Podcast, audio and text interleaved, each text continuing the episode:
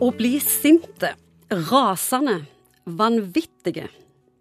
I mange kulturer blir dette i dag ansett som å tape ansikt. Viser du sånne følelser, da har du virkelig dumma deg ut.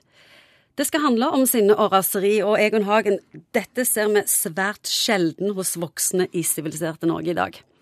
Det du må huske på, er at vi drar på den samme biologien som vi hadde gjerne for 2000 år siden.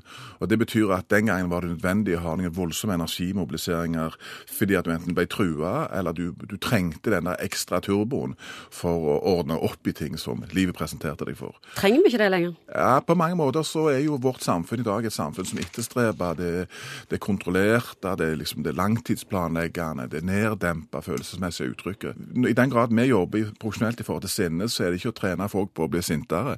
Det hender noen veldig introverte jenter òg trenger, trenger, kurs i det.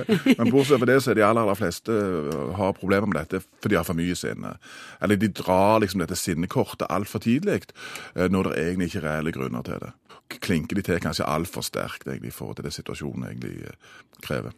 Det er uhyre lenge siden jeg har sett noen sinte i nærheten av meg sjøl. Er det sånn at sinnet har gått ut på dato?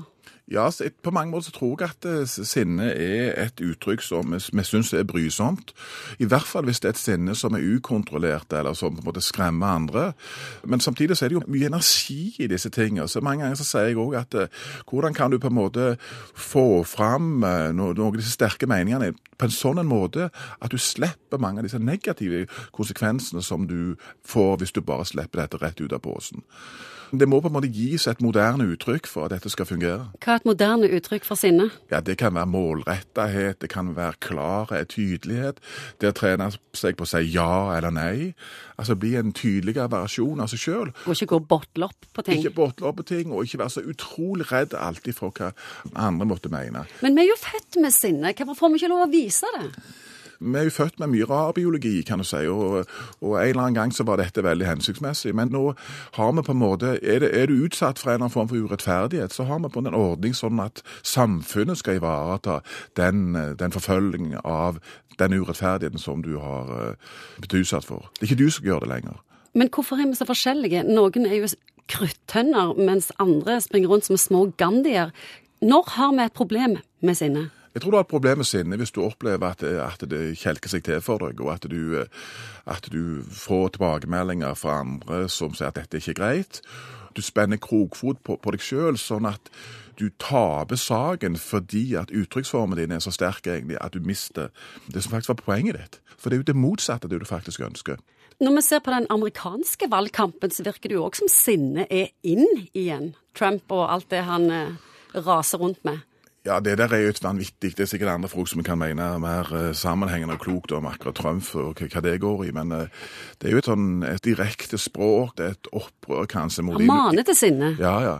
Det er jo ingenting som er så ødeleggende egentlig på godt raseri som å få informasjon om hvordan sakene faktisk henger sammen. Og jo mer outrert, jo mer svart-hvitt-aktig du kan presentere et, tema, jo lettere er det selvfølgelig for folk å få disse sterke følelsene på hvor er det skylda sitter. Får man bare en høy nok mur, så er alt i orden. Så du mener at det beste er å ikke bli sint? Hvis det er et sinne som på en måte skader deg, så tror jeg ville tatt meg noen runder på jeg ønsker ikke å gjøre noe med dette. Og Samtidig så er det jo sånn at det, det er jo noen folk som har kjempeproblemer med å reagere følelsesmessig. og på en måte Det ligger så langt nede at de mister på en måte evnen til selvoppholdelse. Og Da har jeg noen ganger gjort det sånn at jeg har dytta litt forsiktig på det i terapien. Og hvis du blir dytta på en liten stund, så, vil, så merker du en reaksjon som kommer ned fra magen, enten du vil eller ei. Så sier du har det, du òg. Og så hvordan skal man på en måte få tent den gnisten igjen? Når er det OK å bli rasende? Du skal bli rasende når det er en god grunn for det. Du skal bli rasende hvis du blir utsatt for et eller annet, en dyp urettferdighet, eller folk eh, utsetter deg for ting, så, så tror jeg det er helt legitimt egentlig å bli rasende. Men det betyr jo at et raseri vil jo alltid måtte ha noen grenser. Det er litt det der, Vi skal ha to tanker i hodet. Det er jo det som går gjennom disse programmene våre.